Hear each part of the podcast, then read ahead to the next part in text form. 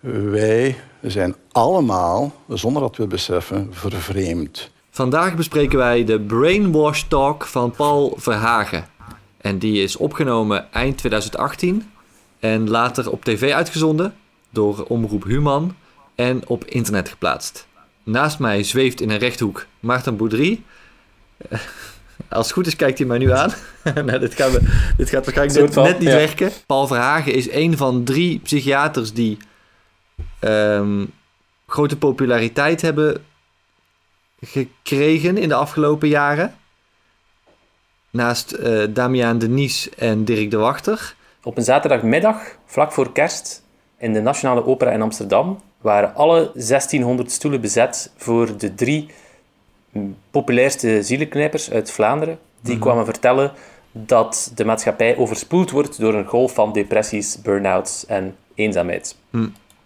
En eh, NRC heeft ze toen samen geïnterviewd en noemde hen supersterren en duiders van de tijdgeest. Paul Vragen is een uh, psycholoog en psychoanalyticus die um, een aantal boeken heeft geschreven voor een breed publiek um, en die aan de Universiteit van Gent doseert. En die vooral is doorgebroken met zijn boek Identiteit, uh, waarin hij beschrijft hoe het neoliberalisme eigenlijk onze maatschappij kapot maakt. En daarna heeft hij nog verschillende andere boeken geschreven, Autoriteit enzovoort. En zijn lezing is daar ook voor een stuk op gebaseerd. Ook full disclosure, ik heb een voorgeschiedenis met Paul Verhagen. Ik heb al verschillende polemieken met hem gevoerd. Mm. Uh, toevallig ook in dezelfde stad geboren. Mm. Hebben gegeven aan dezelfde universiteit les. Mm. Um, hij, uh, ja, is, hij is vooral hij is, is bekend geworden voor een stuk als psychoanalyticus. Uh, en, en ik heb mijn thesis geschreven als kritiek op de psychoanalyse, dus zo ben ik eigenlijk voor de eerste keer in aanvaring met hem gekomen. In zijn boek Autoriteit begint hij met drie anekdotes over ja, uh, trauma's, moeilijke periodes, episodes uit zijn leven. En dus één van die drie is, is, die keer dat ik hem aangevallen heb in de standaard. En hij noemt mij niet bij naam, maar het is heel duidelijk dat het over mij gaat. Oh dus, ja, je hebt hem diep geraakt. Jij bent dus heel bekend met hem en ik vrijwel niet bekend met hem. Maar dat is in, principe wel een uh, interessante combinatie Zeker. dan. Ik kom helemaal uit Gent, België, om jullie de blijde boodschap te brengen. Ja, daar kon ik mij helemaal in herkennen, want zo zou ik ook lezingen kunnen beginnen. Ik kom hmm. ook helemaal uit Gent en kom meestal ook om een blijde boodschap te brengen. Ja. Hij staat bekend als cultuurpessimist, dus ik was wel benieuwd om dan te, te, te horen wat dan zijn blijde boodschap was. En dat meen ik ook, uh, toch wat die blijde boodschap betreft. Wij leven in een paradijs. Hè? Het is goed dat we dat beseffen. Ik denk ook dat hij zegt, ik meen het ook, Misschien ook omdat hij weet dat sommige mensen die hem kennen daarover zullen verrast zijn. We leven in een paradijs in die zin dat we nog nooit uh, zo lang geleefd hebben. We hebben nog nooit zo'n lange periode gehad zonder oorlog. We zijn nog nooit zo hoog opgeleid geweest als vandaag. En als je dan uh, de onderzoeksgegevens bekijkt naar geluk, uh, dan blijkt telkens opnieuw dat de Nederlanders tot de gelukkigste mensen ter wereld behoren. Die laatste zin is een toevoeging die hij in zijn boeken niet beschrijft. Dus daar is het, de grote tweedeling eerder objectief en materieel opzicht hadden we het nog nooit zo goed. We leven lang en gezond en we zijn mhm. rijk, maar we zijn nog nooit zo ongelukkig geweest. Dus hij beweert niet langer dat we ons nog nooit zo slecht hebben gevoeld. Ja. Dus dat vind ik wel goed, want dat was ook gewoon een volkomen foutieve bewering. De Belgen ook, net ietsje minder. Dat hadden jullie ook verwacht. En ja, dat is allemaal het goede nieuws. Hè? Dat de Belgen iets minder gelukkig zijn, dat vind ik dan goed nieuws. Anders kunnen we die underdog-positie niet meer spelen. Nee, inderdaad. Dat klopt. En dan aan de andere kant moeten we vaststellen eh, dat depressie volgens de World Health Organization straks ziekte nummer één is. Ook in Nederland en in België. Ik heb gekeken op de pagina van de World Health Organization over depressie. En daar staat niet dat depressie ziekte nummer 1 gaat worden. Ik heb wel een andere studie gevonden die verwijst naar die pagina. Waar dus ooit iets anders op heeft gestaan, denk ik. En die studie die stelt weer dat de WHO denkt dat in 2020 depressie volksziekte nummer 2 zal zijn. En ik weet niet of dat nu ook echt zo is. Ik had in ieder geval moeite om dit te fact-checken. Mijn bezwaar is eerder theoretisch. Hmm. Soms is het goed nieuws als een bepaalde ziekte relatief belangrijker wordt dan een andere ziekte. Bijvoorbeeld, hmm. je ziet ook, naarmate landen rijker en welvarender worden, dat uh, meer mensen kanker krijgen. Dus er gaan meer mensen dood ook aan kanker. Je ziet dat er meer gevallen zijn uh, enzovoort. In zeker opzicht is dat goed nieuws, want dat wil zeggen dat mensen lang genoeg leven om kanker te krijgen. Vroeger gingen ze gewoon veel sneller dood, Mm. eh, ja, was de kans veel kleiner dat ze kanker kregen voor ze stierven. Dus Mm. waren ze ondertussen al lang aan andere zaken gestorven. Ik zeg niet dat hetzelfde geldt voor depressie, maar het zou ook kunnen dat depressie ook zo'n soort van neveneffect is van vooruitgang. Je materiële behoeften zijn dan al vervuld. Denk aan de, die piramide van Maslow. Ja. Ehm, dus je gaat niet meer dood aan honger of aan ontbering of aan infectieziekten. Ehm, dan gaat er van, als vanzelf meer aandacht zijn voor psychische verschijnselen, waar mensen gewoon vroeger eh, gewoon niet bij stilstonden. Was hadden gewoon andere zaken aan, aan hun hoofd. Als je in een tijd van oorlog en ziekte en honger leeft, dan heb je geen, geen tijd om depressief te zijn. Wij hebben dat vandaag wel. Ehm, dus het is zeker een probleem, maar, maar, maar het kan net zelfs een teken van, eh, van vooruitgang zijn. Eh, een andere manier waarop het een goed teken zou kunnen zijn dat depressie meer wordt vastgesteld dan vroeger, is dat het taboe op eh geestesziekten minder is geworden. Dus dat het minder ehm gênant wordt Ja. gevonden om toe te geven dat je bijvoorbeeld een depressie eh, hebt en daarmee Juist. naar een arts te gaan. Ehm, en dat zou ook kunnen verklaren dat we dus hè, tegelijkertijd gelukkiger zijn dan ooit en meer depressie vaststellen dan ooit. Want deel van, van gelukkig zijn is ook met je problemen naar een arts eh, durven gaan, zou Ja. ik zeggen. De algemene conclusie eigenlijk van mensen die niet aan alarmisme doen, dus die gewoon kijken naar de cijfers en ze op de juiste manier interpreteren, is er is geen epidemie van depressies. Dat klopt niet. En voor zover we een stijging zien, is het een effect van betere diagnosticering, betere opsporing en het, eh, het doorbreken van het taboe. Dat we nog nooit zoveel mensen gehad hebben die uitvallen met langdurige ziekte. Bedoelt hij hier alleen psychische ziekte of ook lichamelijke? Dat is me niet helemaal duidelijk. En het lijkt me sterk dat chronische ziekte, lichamelijke ziekte, op dit moment op een historische piek zit. Dat, dat denk ik niet. En eh, dat we straks op zoek moeten gaan naar een kind dat geen stoornis opgespeld geworden is. Dus Een ja, de- eh, kleine taalkundige noot. Dit is een eh, prachtig voorbeeld van de verdubbeling van het voltooid deelwoord, die zeer typisch is voor het Roeselaarse dialect. Oh. Dus dat ook mijn dialect is. Dus ik, ik vind dit heel herkenbaar. Opgespeld geworden is. Soms is het zelfs driedubbel. Bijvoorbeeld, dan zeggen West-Vlamingen... eh, hij is veroordeeld geweest geworden.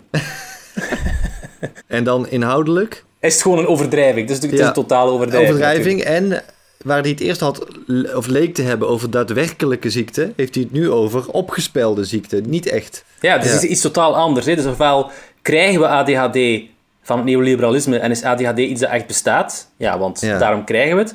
Ofwel is het gewoon een verzinsel van het neoliberalisme om mensen een stempel op te kleven die niet aan het ideaalbeeld eh, beantwoorden. Overigens, hij heeft het neoliberalisme nog niet genoemd. Dit is allemaal jouw achtergrondkennis over Verhagen. Oh ja, juist. Maar inderdaad, Maar neem het van mij aan. Dus ofwel word je ziek gemaakt door het neoliberalisme, ofwel word je onterecht ziek genoemd door het Ja. neoliberalisme, terwijl je eigenlijk gezond bent. En dus Ja. hij, hij zwalpt voortdurend tussen die twee. En, en dat, dat, dat, dat, Hmm. dat zie je ook in al zijn boeken en dat, maakt het, dat geeft een enorm incoherente indruk. Dus hoe rijm je die twee zaken? Dat er klopt ergens iets niet. zoals we net uitgebreid hebben besproken, zijn die twee zaken best te rijmen. En er hoeft niet per se Wacht, iets welke, niet te welke twee zaken zijn het nu? Dat er, Eh, eh, nou, dat we, ah ja, dat dat we nog nooit zo gelukkig zijn geweest en dat er Ja. zoveel depressie is en zoveel. ja, ja, ja, juist. Ja, precies. Die zijn best wel te rijmen als je er iets langer over nadenkt. Er is een fundamentele discrepantie tussen die ene vaststelling, die juist is, en die andere vaststelling, die ook juist is, maar je kan ze niet samenbrengen. Er is een oplossing voor zijn raadsel. En dat hoeft niet per se de juiste oplossing te zijn, maar in ieder geval is het een plausibele oplossing. Ja, En die noemt hij niet eens. Hij noemt hem niet eens om hem te weerleggen of zo. Hij gaat er gewoon ja. aan voorbij en gaat, komt dan met zijn oplossing, die veel minder plausibel is, zoals we zullen gaan. horen. ja. Wel, om dat te proberen te begrijpen, ga ik in het korte tijdsbestek dat ik heb eh, drie zaken koppelen. Identiteit, vervreemding en pleonexia. Dat is geen West-Vlaams. Dat laatste klinkt een beetje vreemd, maar dat wordt straks hopelijk wat duidelijk. Eh, als ik het heb over identiteit, dan ga ik altijd van start met het corrigeren van twee veronderstellingen waar we allemaal bij vertrekken, ikzelf inbegrepen. Met name ten eerste het idee dat onze identiteit ergens redelijk vroeg in onze kindertijd, zeker voor de leeftijd van tien, dat die identiteit gevormd is, dat die er is. En die verandert dan nog wel een beetje. We worden wat eh, intelligenter, eh, we doen wat kennis op, wat ervaring. Maar in de kern blijven we eigenlijk dezelfde. Eigenlijk wil ik hiervoor nog weten wat Verhagen precies met identiteit bedoelt. Misschien kun jij daar wat licht op werpen. Hij heeft niet een, een, een zeer technische definitie van identiteit of zo. Dus het is eerder gewoon je persoonlijkheid en hoe je je verhoudt tot andere mensen. Hmm. Wie je bent. En dat zijn die twee aannames. Identiteit is onveranderlijk en zit diep van binnen. Dat onveranderlijke aspect heeft hij net beschreven, maar dat diep van binnen, dat komt er nu bij volgens mij. Ja, dat was me nog niet opgevallen. Hij zegt inderdaad dat hij twee aannames heeft, Ja, maar komt maar hij doet er maar één. Het is exact het tegenovergestelde. Identiteit is een constructie die van buitenaf aangereikt wordt en die eigenlijk heel ons leven lang verandert en soms zeer ingrijpend eh, kan veranderen. Hij gaat eigenlijk van een zeer uitgesproken determinisme op jonge leeftijd. Heel je identiteit wordt bepaald in je vroegste levensjaren en daarna ligt alles vast. Naar het totaal tegenovergestelde, inderdaad. Ja. Identiteit is oneindig veranderlijk en ligt nooit vast. Allebei de, de stellingen zijn in zekere zin Ja. een karikatuur. Er is wel degelijk een continuïteit. Je bent niet zomaar een compleet verschillende persoon als je 70 jaar bent dan als je 20 jaar bent. Het is wel zo eh, dat er meer verandering is dan dat we intuïtief ervaren. Dus die, die, die indruk van continuïteit is voor een stuk een illusie. Dus mensen denken dat ze nog altijd dezelfde persoon zijn als wie ze 20 jaar geleden waren, maar dan als je, als je dat echt gaat onderzoeken en je gaat persoonlijkheidstest afnemen, dan is er wel meer verandering, meer verandering dan ze denken, maar natuurlijk niet oneindige verandering. Je bent nog, er zijn Ja. nog altijd wel zaken die, die echt vastliggen, ook gewoon die genetisch vastliggen. Daar Ja. zegt hij helemaal niks over, maar bedoel, er is ook nog zoiets als genetica. Ik zou niet zeggen dat de waarheid altijd in, in het midden ligt, maar als je zo'n twee karikaturen tegenover elkaar stelt, ja, oké, dan zal de waarheid dan wel in het midden moeten liggen. Ik kan dat wetenschappelijk gezien goed onderbouwen, maar ik ga jullie een overtuigend voorbeeld geven. Dat is makkelijker. Een overtuigend voorbeeld dat overtuigend is omdat het alle allures vertoont, alle kenmerken vertoont van een wetenschappelijk experiment. En bovendien is het een voorbeeld waarvan jullie echt voorbeelden kennen. En dat is simpelweg adoptie. Adoptie gebeurt in de regel wel met kinderen jonger dan 10. Die zitten nog steeds in die fase waarin ze gevormd kunnen worden, ook volgens die eerste theorie die hij beweert te ontkrachten.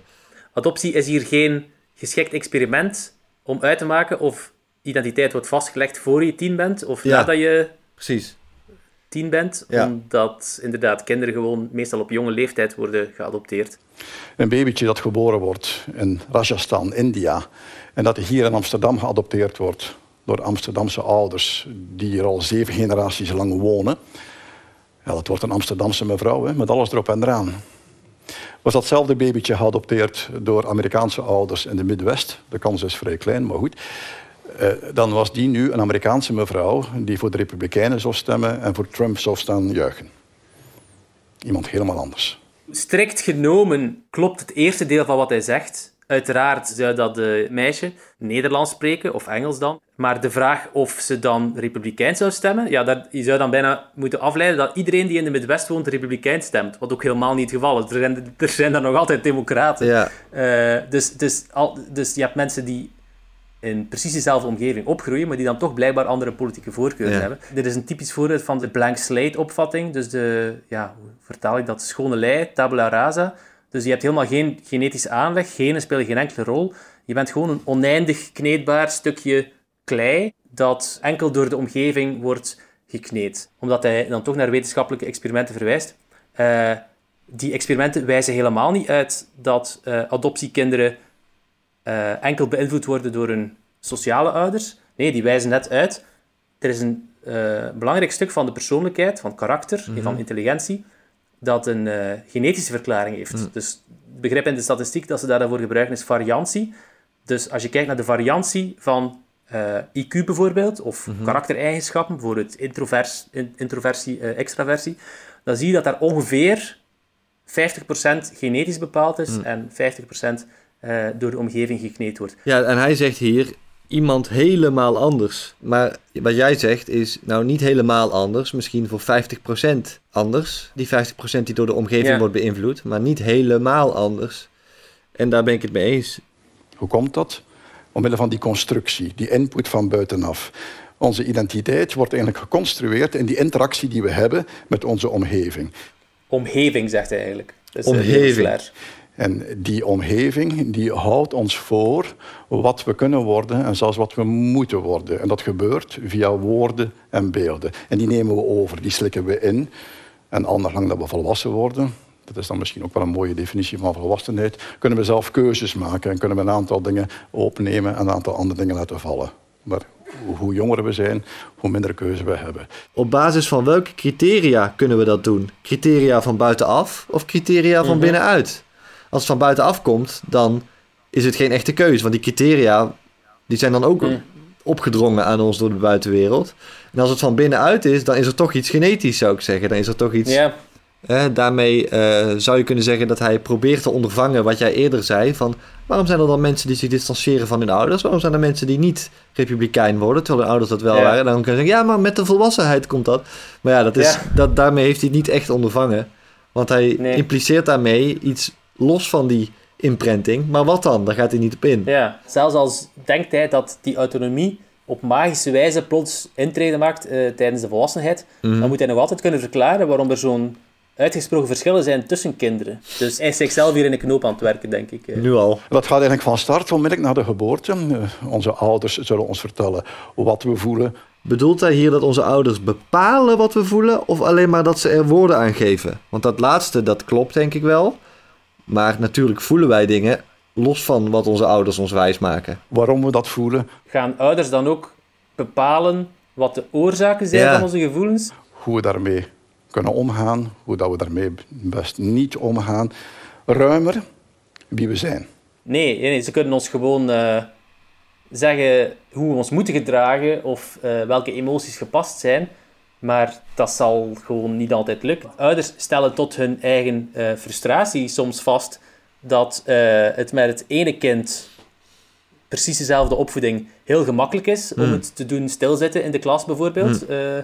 of om het een beetje rustig te krijgen. En met het andere kind dat het gewoon veel lastiger is. Ja. Ik heb nu zelf geen kinderen, maar ik weet dat Vragen er wel heeft. Het lijkt me ook heel vreemd dat je zoiets zou ontkennen. Ik heb heel vaak de indruk van die radicale sociale constructivisten dat ze gewoon maar dogma's herhalen omdat dat ideologisch gewoon van hen verwacht wordt. Mm. Dat ze daar lippendienst aan moeten bewijzen.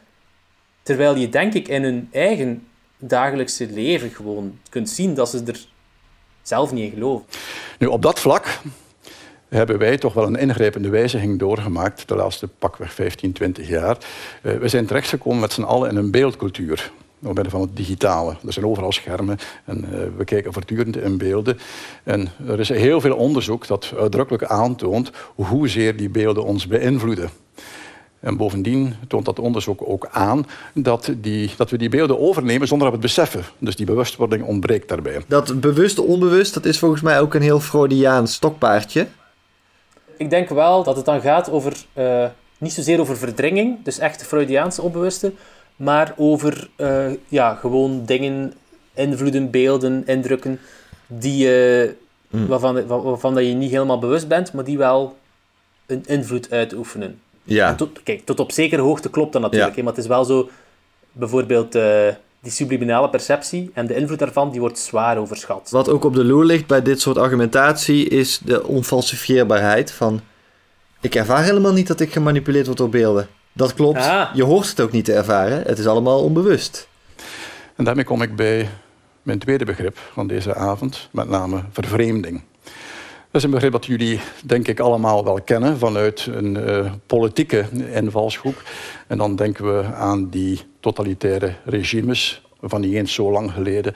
eh, Stalinistisch Rusland, de DDR, eh, Korea.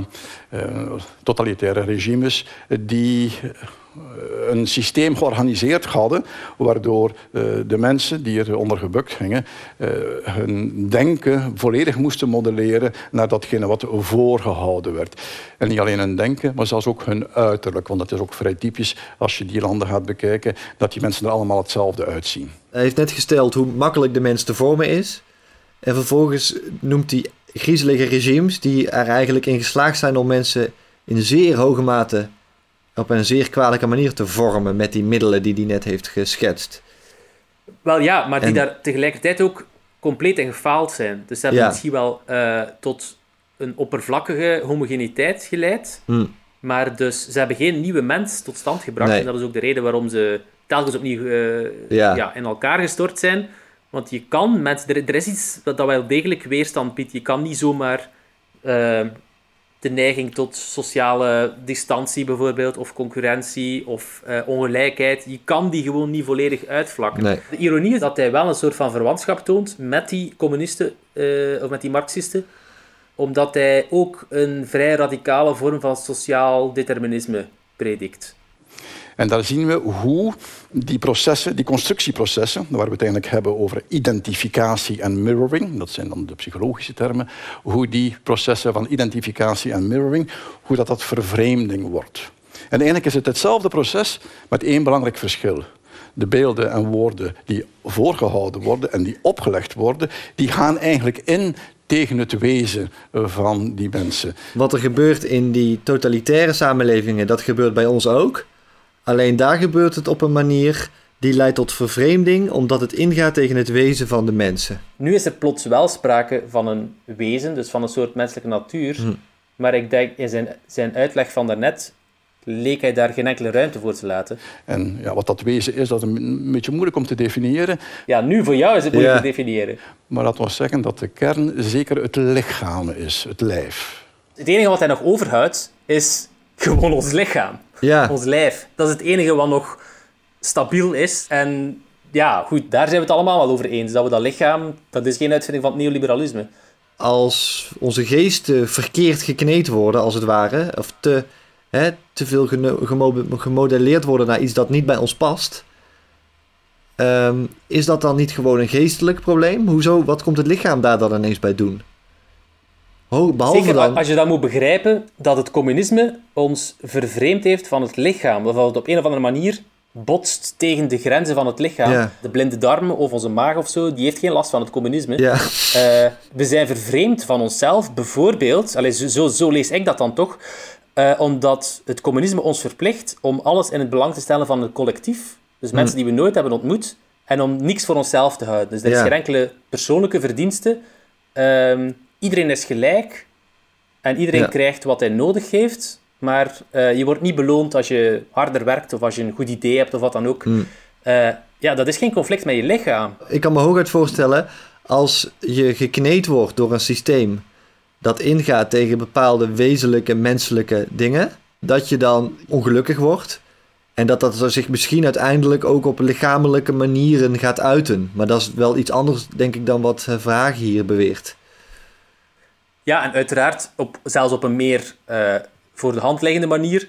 Als je een samenleving tot stand brengt die gewoon knettergek is uh, en die gewoon op waanbeelden ja. berust, ja, dan, uh, dan zal je bijvoorbeeld...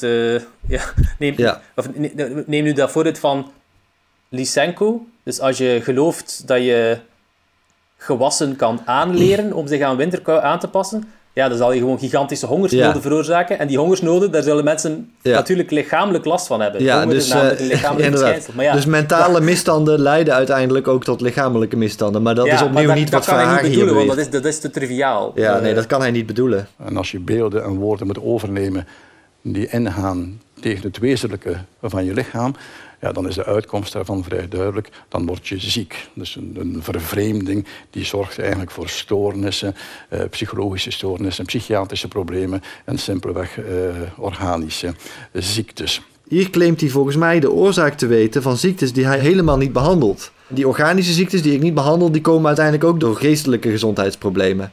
Doordat je in een verkeerd systeem zit. En dat is duidelijk iets dat afkomstig is van zijn geloof in de psychoanalyse. Hmm. Je kan dat heel ver doortrekken iemand die bijvoorbeeld het gevoel heeft dat, dat ze verstikt wordt in een relatie, die zou dan echt aan ademhalingsproblemen kunnen gaan mm. leiden. Uh, of ik heb, ik heb ooit een, een wetenschap afgesloten met een psychoanalyticus die beweerde dat blinde mensen geen acne heb, uh, ontwikkelen omdat ze de blik van de ander niet voelen. Mm. Dus het, het, idee dat, je, dat acne bijvoorbeeld echt kan veroorzaakt worden door een, allez, door, een, door, een, door een mentale conditie of door een mentaal complex. Dus dat is op zich een zeer psychoanalytische gedachte. Ja, ik vind het ook een heel gevaarlijke, kwalijke gedachte, moet ik zeggen. Ik vind het hier echt, eh, echt link worden. Maar je hebt helemaal gelijk dat het is een gevaarlijke gedachte. Uh, om, ja, omdat je er organische letsels die er wel degelijk zijn, mee, mee kan miskennen. Ja, uh, wat kan leiden tot niet behandelen of verkeerd behandelen van, van lichamelijke klachten, problemen, ziektes. Ja. Mensen die in de buurt van Tsjernobyl woonden, die werden wel degelijk ziek op een bepaalde manier door de angst. Het is niet hmm. dat ze daarvan een tumor kregen of zo, maar er waren wel effectief ja, lichamelijke symptomen hmm. eh, die je kan terug terugbrengen tot die angst. Dus het is, het is natuurlijk wel zo, onze geest heeft een invloed op ons lichaam. Mhm. Maar waar het vooral gevaarlijk wordt, denk ik, is dat idee dat er een soort van symbolische connectie bestaat tussen iets mentaals, bijvoorbeeld het eh, verstikt worden of monddood gemaakt worden, en dan de manier waarop zich dat afzet op Ja. iets lichamelijks. Dat is gewoon knettergek. Ja. En dat is heel typisch voor de psychoanalyse. Ik wil Verhagen best het voordeel van de twijfel geven en aannemen dat hij dat niet bedoelt. Maar dan zou ik wel van hem verlangen dat hij ook zelfs in zo'n korte brainwash talk een beetje meer moeite doet om duidelijk te maken dat hij niet zoiets bedoelt. Maar dat zal hij niet doen. Hmm. Waarom niet? Ten eerste omdat hij zijn eh, collega's niet wil afvallen. En ten tweede omdat hij theoretisch gezien geen enkel argument heeft eh, om, eh, om dat te weerspreken. Als ik die twee dingen nu samenbreng, dan is mijn stelling de volgende. Wij zijn allemaal, zonder dat we het beseffen, vervreemd. Oké, zitten wij dan ook in een soort totalitaire samenleving? Want daar bestond die vervreemding volgens hem. Eh, ja, juist. En, en daar was die heel duidelijk van bovenaf Ja. En, en was er sprake van dwang en Ja. van verplichting en van manipulatie Ja. en, ja, en zelfs eh, het monddood maken en deporteren en vermoorden van tegenstanders. ja. Eh, dus, dus ja, het is, het is onduidelijk hoe ver hij die analogie doortrekt. En bovendien heb je opnieuw het punt. Hij zegt dat we vervreemd zijn van iets, maar hij heeft ook net gezegd dat we eigenlijk geen aangeboren identiteit hebben. Dus het enige waarvan dat we volgens hem nog kunnen vervreemd zijn, is dan het lichaam. Maar Ja. het is helemaal onduidelijk op welke manier dat je van je lichaam kan vervreemd Ja. zijn. ja. En op welke manier het neoliberalisme of onze samenleving dat dan kan veroorzaken. Nee. Nee. Het lijkt mij veel nuttiger, misschien eh, een suggestie voor Paul Verhagen, als je eh, over vervreemding wil spreken, dat je ruimte laat voor een menselijke natuur. Dan is het veel eenvoudiger om het begrip vervreemding daaraan te toetsen. Om te zeggen, kijk, je bent pas vervreemd wanneer je gewoon te ver afwijkt van die menselijke natuur. Ja. Zonder dat we het beseffen, zegt hij ook weer. Hè? Dus als je zegt van, ik ben helemaal niet vervreemd. Jawel, je beseft het alleen niet. Nou, en wij zijn dus ook vervreemd, net als die mensen in totalitaire staten, blijkbaar. Dus zo, Mhm. zo, zo weinig paradijselijk is onze situatie dan toch uiteindelijk. En dat is dan ehm, blijkbaar de oorzaak van al die depressies en die chronische ziektes, denk ik. Beetje bij beetje, dag na dag, maand na maand, jaar na jaar, door die beelden die op ons afkomen en die wij opnemen zonder dat we het beseffen. En die beelden die sturen ons in een bepaalde richting. Die bepalen onze identiteit. Onze identiteit in de betekenis van denkpatronen, maar ook in de betekenis van ons lichaam. Hoe we eruit zien en hoe we met ons lichaam omgaan. Ja, maar niet het wezenlijke aan het lichaam, toch? Want dat gaat juist protesteren. Ja, juist. Ja, hij heeft nog altijd iets nodig dat weerstand biedt. Ja. Pas op, Paul. Het enige dat je nu nog overhoudt is het lichaam. Als je nu ook nog het lichaam eh, laat kneden door de ideologie, dan heb je gewoon helemaal niks meer. Gewoon een vormeloze massa. Ik ben blij dat het allemaal niet realiteit wordt terwijl hij het zegt. Ja. Want dan zouden er hele enge dingen Juist, gebeuren ja. tijdens die Een hele opluchting. En dan kom ik bij een derde begrip, pleonexia. En ik denk dat dat minder bekend is. En de pleonexia, dat is het volgende. Dat is de onweerstaanbare aandrang die in ons zit om altijd meer te willen hebben. Meer bezit, maar ook meer roem en eer en ook meer veiligheid. En Aristoteles zegt van, dit is een zeer gevaarlijk kenmerk. Het is een zeer gevaarlijk punt. Hij ontleent dat begrip aan Aristoteles, maar als ik Aristoteles goed begrijp, gaat het niet zozeer om steeds meer en steeds beter willen, maar om dingen te willen die aan anderen toebehoren. Het idee dat je jezelf steeds ehm, verder ontwikkelt en ontplooit, is onderdeel van de Aristoteliaanse ethica. Een verlangen naar meer, als je het zo breed wil trekken. Hè, als je zegt, nee, het gaat niet alleen maar over het verlangen naar iets waar anderen recht op hebben. Maar sowieso het verlangen om meer te hebben. En zelfs verlangen naar meer veiligheid, noemt hij. Daar kun je toch bijna niet genoeg van hebben van veiligheid, zou ik denken. Maar ja, dat verlangen zit achter heel veel ontwikkelingen... waarvan Verhagen zal moeten erkennen dat die heel positief zijn. Hè, dus, Ja, juist. eh, allerlei verbeteringen, wetenschappelijke ontwikkelingen... eh, sociale Ja. vooruitgang. Hij zegt, dat is een onweerstaanbare drang die in ons zit. Hoezo? Dus dan is het toch iets, en nu gaat het niet over ons lichaam, maar om iets mentaal dat in ons zit, dus een soort van menselijke natuur. Tenzij hij alleen bedoelt, ja, dat zit in de neoliberale mens of zo. Maar Ja, als Aristoteles het al zag, dan is het toch niet iets van nu, lijkt me. ja, precies. Dus eh, Ehm, Dus Aristoteles moet wel zeer eh, voorzienend geweest zijn. En de samenleving, bij monden van de overheid en bij monden van ons, moet erop gericht zijn om die pleonexia in te perken.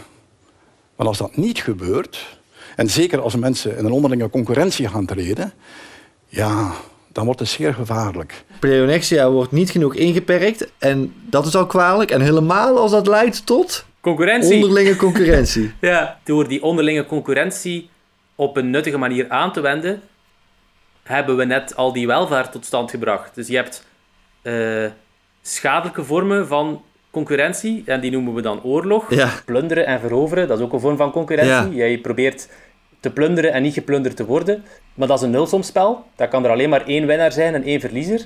En dat is een slechte vorm van concurrentie, omdat die de samenleving uiteindelijk zeker niet ten goede komt. Maar je hebt ook nuttige vormen van concurrentie, waarbij mensen proberen op een constructieve en vrijwillige manier ideeën of producten tot stand te brengen en die aan te bieden aan andere mensen eh, in ruil voor ehm, ja, eh, een bepaald bedrag Ja. of een bepaalde wederdienst. Ja, En dat is dan een vrije markteconomie. ja. Ehm, dat is ook concurrentie, maar dat is nuttige concurrentie. Eh, want zonder die concurrentie zouden we nooit zo ver gekomen zijn. Dat is de concurrentie die het communisme probeerde uit te schakelen, met alle gevolgen van die. Zelfs zijn eigen vakgebied bijvoorbeeld, de psychologie of de wetenschap in het algemeen, ja, die is voor een stuk gebaseerd op concurrentie. Ook op Ja. samenwerking, maar ook op Ja. concurrentie. Je kan niet allemaal de Nobelprijs winnen, of Ja. je kan niet allemaal in toptijdschriften terechtkomen. Veel mensen die naar zo'n betoog luisteren, die zeggen, ja, inderdaad, dat is het allergevaarlijkst, wanneer we met elkaar gaan proberen te concurreren. Ja. Terwijl ze waarschijnlijk in hun eigen leven Dat constant doen. ook constant daarmee bezig Ja. zijn. En hij beschrijft hoe dat, dat spiraalsgewijze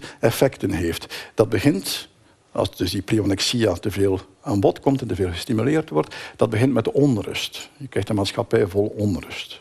En de volgende stap is conflicten die overal ontstaan. En de volgende stap is oorlog.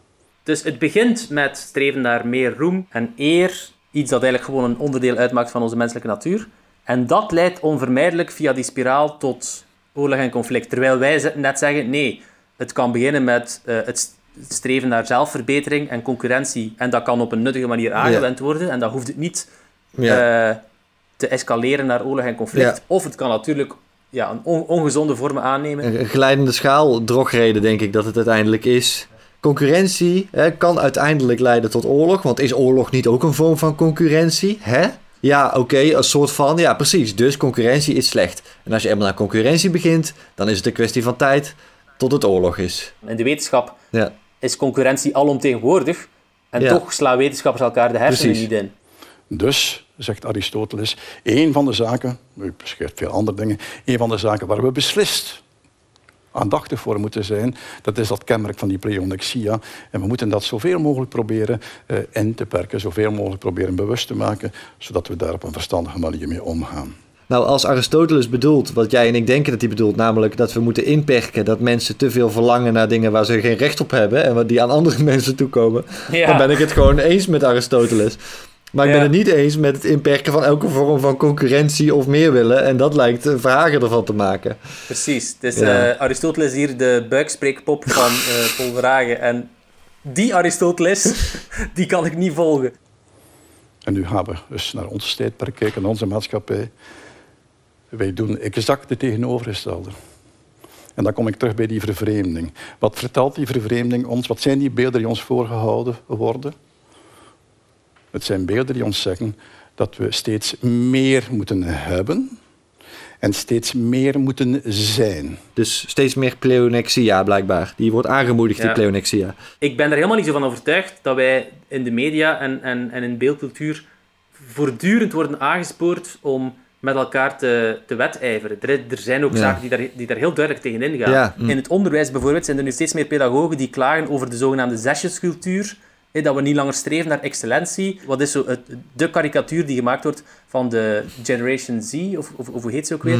Eh, ah ja, je moet gewoon jezelf zijn. Gewoon Ja. jezelf zijn en je niks van andere mensen aantrekken. Ja, dat is bijna helemaal het tegenovergestelde van het idee dat je met elkaar moet wedijveren en dat, dat je moet kijken wie dat er de beste is. En ik denk ook, voor zover er echt iets nieuw is aan onze samenleving, is het niet zozeer de concurrentie, maar de gevoeligheid en sensitiviteit voor die kwalijke aspecten van concurrentie.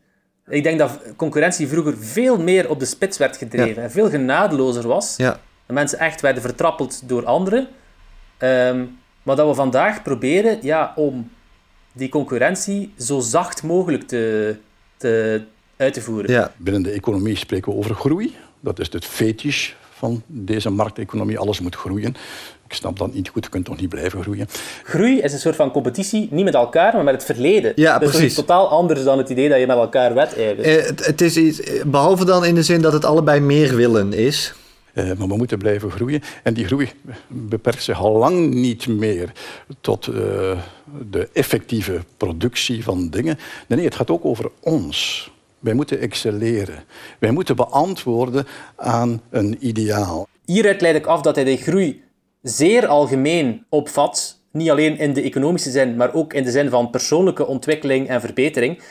En dan vind ik het net schadelijk om te geloven dat groei eindig is. Want dat zou inhouden dat je gelooft in een vorm van perfectie. Je kan niet meer verder excelleren. Dat kan alleen maar betekenen dat je eigenlijk al het hoogste en Ja. volmaaktste niveau van excellen- excellentie hebt bereikt. Ja, dat, Dus ja, dat, dat kan niet. Ik moet weer wel denken aan eh, een, een aflevering die ik eh, een tijdje terug heb gemaakt met Gitte Briffa. Over 365 dagen succesvol in de liefde. Een relatieboek over hoe je een superrelatie krijgt. De kern van dat boek was dat je liefdesrelaties moest gaan bekijken als bedrijven. En daar moest ik wel aan denken toen ik eh, Paul Verhagen dit hoorde zeggen. Aan zulke fenomenen. Maar ja, dat zijn fenomenen in een cultuur waarin allerlei dingen gebeuren. En ik zou niet durven zeggen dat onze hele cultuur zo is, gelukkig. als je expliciet echt economische principes gaat, gaat eh, toepassen Ja, dat deed ze ook, sfeer van Ze relaties... hadden zelfs een emotionele bankrekening waarop je moest storten bij de ander. Ja, Ja, ja dat, dat, dat, oké, hi- hiervan... hier raak jij zelfs af. Hier, hier trek ik zelfs een grens. En dat ideaal is een soort verschuivend doelwit, want we, we raken er nooit bij, maar we moeten het wel doen. We moeten er wel bij geraken. En daarvoor moeten we ons ontzettend, heel, ontzettend hard gaan inspannen. En bovendien een voortdurende concurrentie met anderen. En de sociale media eh, zijn daar natuurlijk helaas een, ja, een, een, een instrument bij. Waardoor we die concurrentie niet alleen met anderen, maar ook met onszelf aangaan. Over dat verschuivend doelwit wil ik even iets zeggen. Dat dat op zich natuurlijk, net als die concurrentie, prima is om een ideaal te hebben waarvan je weet dat je het nooit gaat halen, maar dat je als doelwit plaatst waar je naar streeft. Het omgekeerde is precies veel eh, verontrustender, denk ik. Dat je in de illusie verkeert dat je dat ideaal wel kan bereiken. Ja, Dat je dus een Ja. volkomen perfecte samenleving tot stand kan brengen.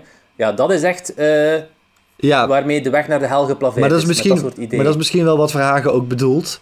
Misschien bedoelt hij ook wel van, we kunnen er nooit bij komen, maar we denken van wel en denken dat het gaat gebeuren en daar worden we ongelukkig van. Ja, maar wat is de alternatief dan waar hij voor pleit? Hij zegt, Ja, niet meer we moeten streven. daarvan afstappen van dat idee dat dat, dat, dat, dat, dat eh, doel zich altijd net aan de horizon bevindt en dat we het nooit kunnen bereiken, want dat maakt ons rusteloos en, en, en veel te eh, competitief enzovoort. Maar ja, wat moeten we dan wel doen? Moeten we dan erkennen dat we nu al in de perfecte Ja. samenleving zitten? Eh, Een paradijs. Het enige ja. alternatief voor het geloof dat we ons nu al in een perfecte samenleving bevinden, is toch het geloof dat die perfecte samenleving nog niet tot stand Ja. gebracht is. Ja. En dat we daar misschien steeds stapje voor stapje dichterbij kunnen Ja. komen zonder dat ooit helemaal te bereiken. Ik ben begonnen met te vertellen dat we in het paradijs leven. Ik meen dat ook. Hè. Een van de kenmerken van het paradijs waarin we nu leven, dat is dat we nog nooit zo vrij geweest zijn. We zijn hier ook in Nederland en in België vrijer dan elders. Daarmee erkent hij dus dat het in andere landen minder goed gaat dan hier. Mogen zij hun pleonexia dan nog wel even houden, terwijl wij hem loslaten? Om nog toch hetzelfde paradijs te bereiken als wij hebben? Of moeten zij nou ook maar accepteren dat wat ze nu hebben de eindstand is? Ja, juist, ja. Als het dan gaat over mensen aan de andere kant van de wereld, dan vind ik het nog veel duidelijker en manifester dat die meer en beter ja, nodig hebben en verdienen. ja. Ook op materieel vlak, dat je van ons zegt: oké, hebben wij elk jaar meer vliegvakanties nodig? Hebben wij eh, Ja.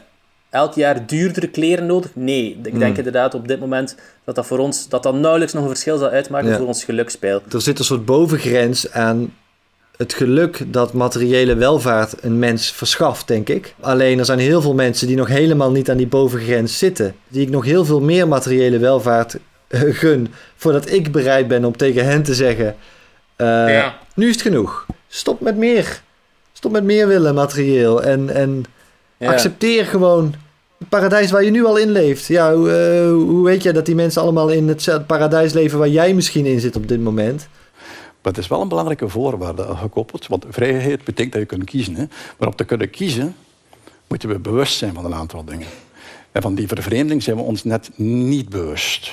Eigenlijk zou je beter zeggen, en van die vervreemding zijn jullie je niet bewust. Dan ben je eerlijk. Ja. Want dat is uiteindelijk wat hij zegt. Ja. De meeste mensen zijn er zich niet van bewust, maar ik wel. Mhm. Ja, zeg dat dan ook gewoon. Misschien is het ook zo, maar wek niet de indruk alsof dat je jezelf Meeneemt. daar, Ja. ja. daarin meeneemt, want dat doe je duidelijk niet. Je kunt vrij zijn in officiële termen. Maar als je niet bewust bent van de dingen waar je tussen je kunt kiezen, dan ben je niet werkelijk vrij. Dat punt, los van het verdere betoog waar ik het helemaal niet mee eens ben, vind ik een aardig punt. Als ik deze zin was tegengekomen in een totaal ander betoog... ja, precies, dan, eh, ja. Dus ik eindig met een pleidooi voor die bewustwording. En we hebben daar een zeer goede aanwijzing voor. Dat is ons lichaam. Nou, dan komt dat lichaam weer. Als ons lichaam begint te protesteren, als ons lichaam die effecten van die vervreemding letterlijk begint te tonen, ja, dan is er iets dat niet klopt. En via die bewustwording kunnen we dan gebruik maken van de vrijheid die ons paradijs ons biedt en andere keuzes gaan maken. Dank u. De mensen die niet bewust zijn en die dus de keuzes maken die ze eigenlijk niet willen, die zullen aan hun lichaam voelen van oei, Dus de mensen die daar in de zaal zitten, die geen lichamelijke klachten hebben, die kunnen gewoon denken: oh, met mij gaat alles goed. Terwijl ze misschien helemaal verkeerd bezig zijn. En de mensen die toevallig eh, ja, iets mankeren aan hun lichaam, die kunnen denken: oh, ik moet me meer bewust worden. die wel toevallig een maagsfeer hebben of zo, die kunnen denken, eh, ik, ik, eh, ik ben te veel aan marktdenken Ja, zij wijst helemaal de verkeerde indicator aan. Wat heeft hij nu eigenlijk gezegd? Dus hij is begonnen met die depressies. Hij heeft gezegd, oké, we leven in een paradijs.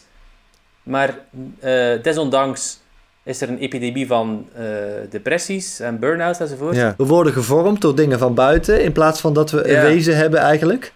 En eh, dat gebeurt eh, onbewust, maar als we volwassen zijn, dan kunnen we, dan wordt het bewust en dan kunnen we keuzes gaan maken.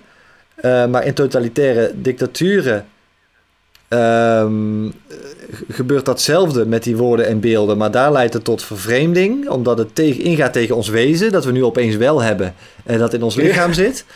En, en trouwens, dat gebeurt ook in onze samenleving. Eh, dus het is hier helemaal niet een onschuldige variant. Het gebeurt ook bij ons. Wij vervreemden ook. En dat komt dat, het- dat wij hier ook die schadelijke effecten ondervinden die in die totalitaire samenleving gebeuren. Dat komt doordat wij in onze samenleving de pleonexia aanmoedigen die wij volgens Aristoteles eigenlijk moeten inperken.